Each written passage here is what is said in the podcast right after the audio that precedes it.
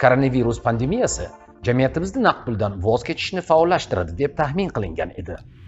Lekin natija kutilganidek bo'lmadi.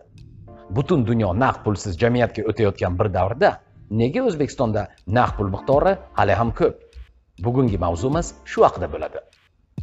Koronavirus odamlar jamiyat va hatto yirik davlatlar hayotida ham muayyan o'zgarishlarga sabab bo'ldi. Pandemiyaning ta'siri kuchli bo'lgan sohalardan biri bu to'lov va banking tizimlaridir.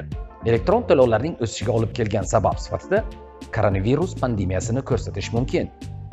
Kasallik tarqalishini susaytirish uchun naqd puldan foydalanmaslik va xaridlarni onlayn amalga oshirish tavsiya qilingan edi. Buning natijasida 2020 yil hisobiga ko'ra butun dunyoda onlayn buyurtmalar hajmi 50 foizdan oshdi. Ba'zi bir davlatlarda bu ko'rsatkich 80 foizga yetdi. Bu favquluddagi vaziyat naqd pulni o'ldiradi degani emas balki u ancha yillar oldin boshlangan naqd pulsiz hisob kitobga o'tish jarayonini tezlashtirmoqda. Ajoyib misol shvetsiya. Bu yerda 2018 yil oxiriga ko'ra iqtisodiyotda naqd pulning atigi bir foizi qolgan. Naqd pulsiz savdo rivojlanishi bilan iste'molchilar endi o'zlari bilan pul olib yurishlariga hojat qolmaydi. Kontaktsiz texnologiyalar yordamida esa xaridlarni bir necha soniya ichida amalga oshirish mumkin.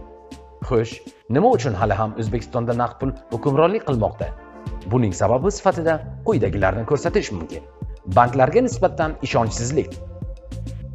Banklardagi xizmat sifatining pastligi. Plastik kartadan mablag' o'g'irlanishidan qo'rqish. Elektron tijoratning zaifligi. Aholining moliyaviy va texnologik savodsizligi oson ilovasi asoschisi farhod mahmudov ham intervyulardan birida bank xizmatlari bir qator sabablarga ko'ra rivojlanmaganligini aytib o'tgan.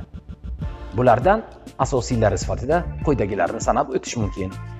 Moliyaviy sohaning eskirgan boshqaruvga asoslanganligi aloqa xizmatlarining sifati pastligi. Ekspertlarning ta'kidlashlaricha yuqoridagi muammolar 10 yil ichida hal etilib mamlakatimiz butunlay naqd pulsiz jamiyatga aylanishi mumkin. Bu bozor ishtirokchilari uchun har tomonlama qulayliklar yaratadi va savdo sotiq jarayonlarini tezlashtiradi. O'sha vaqtga kelib plastik kartalar iste'moldan chiqadi to'lovlar esa telefon va boshqa qurilmalardagi elektron hamyonlar orqali amalga oshiriladi. Elektron pul aslida nima va uni qanday boshqarish mumkin deb o'ylab qoldingizmi? Bu esa umuman boshqa mavzu. Bizni kuzatishda davom eting. Va layk bosib kanalimizga obuna bo'lishni unutmang. Savol va mulohazalaringizni video ostida qoldiring.